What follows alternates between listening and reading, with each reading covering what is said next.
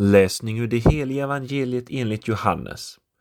Bland den som kommit upp till högtiden för att tillbe Gud fanns några greker. De sökte upp Filippos, han som var från Betsaida i Galileen och sade Herre, vi vill gärna se Jesus. Filippos gick och talade om det för Andreas och Andreas och han gick och talade om det för Jesus. Och Jesus svarade dem Stunden har kommit då Människosonen skall förhärligas.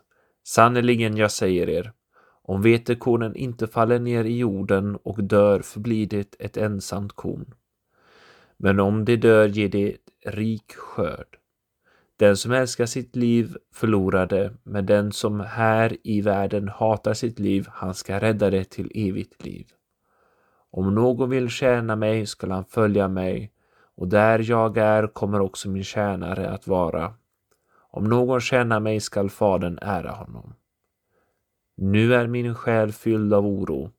Skall jag be Fader rädda mig undan denna stund? Nej, det är just för denna stund jag har kommit. Fader, förhärliga ditt namn. Då hördes en röst från himlen.